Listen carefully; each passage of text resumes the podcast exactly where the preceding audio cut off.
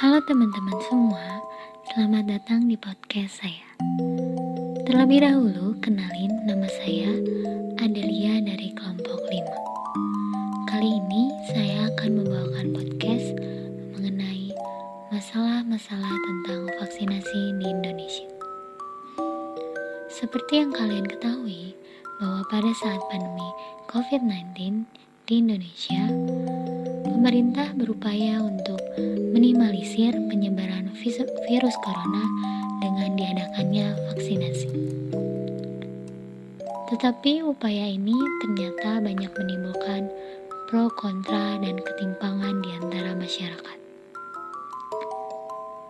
Sebagian masyarakat mendukung program vaksinasi COVID-19 ini, tapi gak sedikit yang meragukan efektivitas dan keampuhan dari vaksin COVID-19.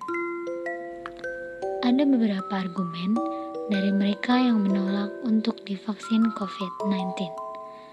Nah, mereka yang menolak ini tidak sedikit yang berpendidikan tinggi dan bahkan dari kalangan kesehatan itu sendiri.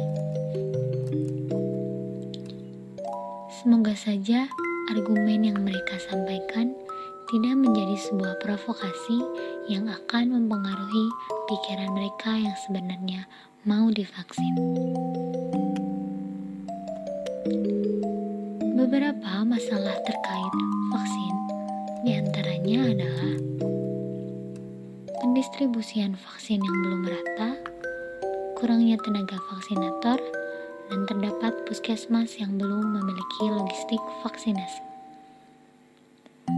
Tapi, di antara masalah ini, ada masalah yang paling lucu, tetapi hal ini tidak bisa disepelekan,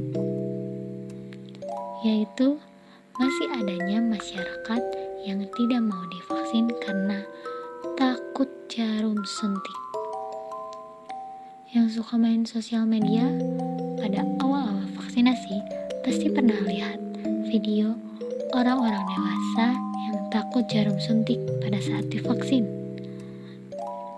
Sangat menggelitik bukan? Tetapi masalah ini harus bisa mendapat solusi tersendiri agar masyarakat tidak takut untuk vaksin. Solusi ini misalnya pemerintah mengadakan sosialisasi dan arahan mengenai proses vaksin bahwa jarum suntik itu tidak membahayakan dan menyakitkan.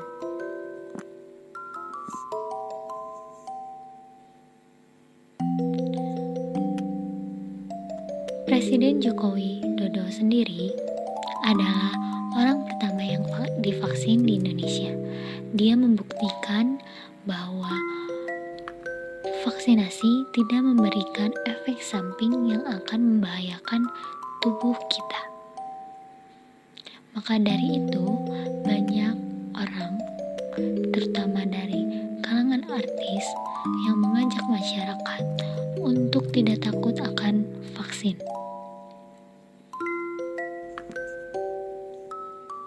Masalah-masalah yang saya paparkan barusan sudah mendapat solusi dari pemerintah, yaitu Kementerian Kesehatan kemarin meluncurkan situs vaksin.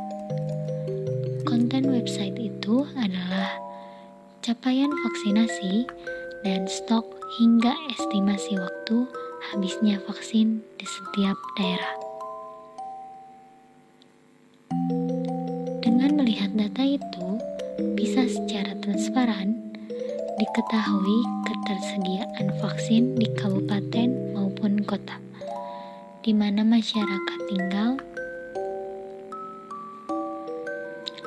Hal ini dapat membantu pemerintah untuk merealisasikan program vaksinasi bila mana terdapat masalah ketidakmerataan proses persebaran program vaksin. Pemerintah akan mengetahui laju perkembangan vaksin dan akan segera mengatasi untuk ketimpangan vaksin bila mana terdapat masyarakat yang belum mendapatkan vaksinasi.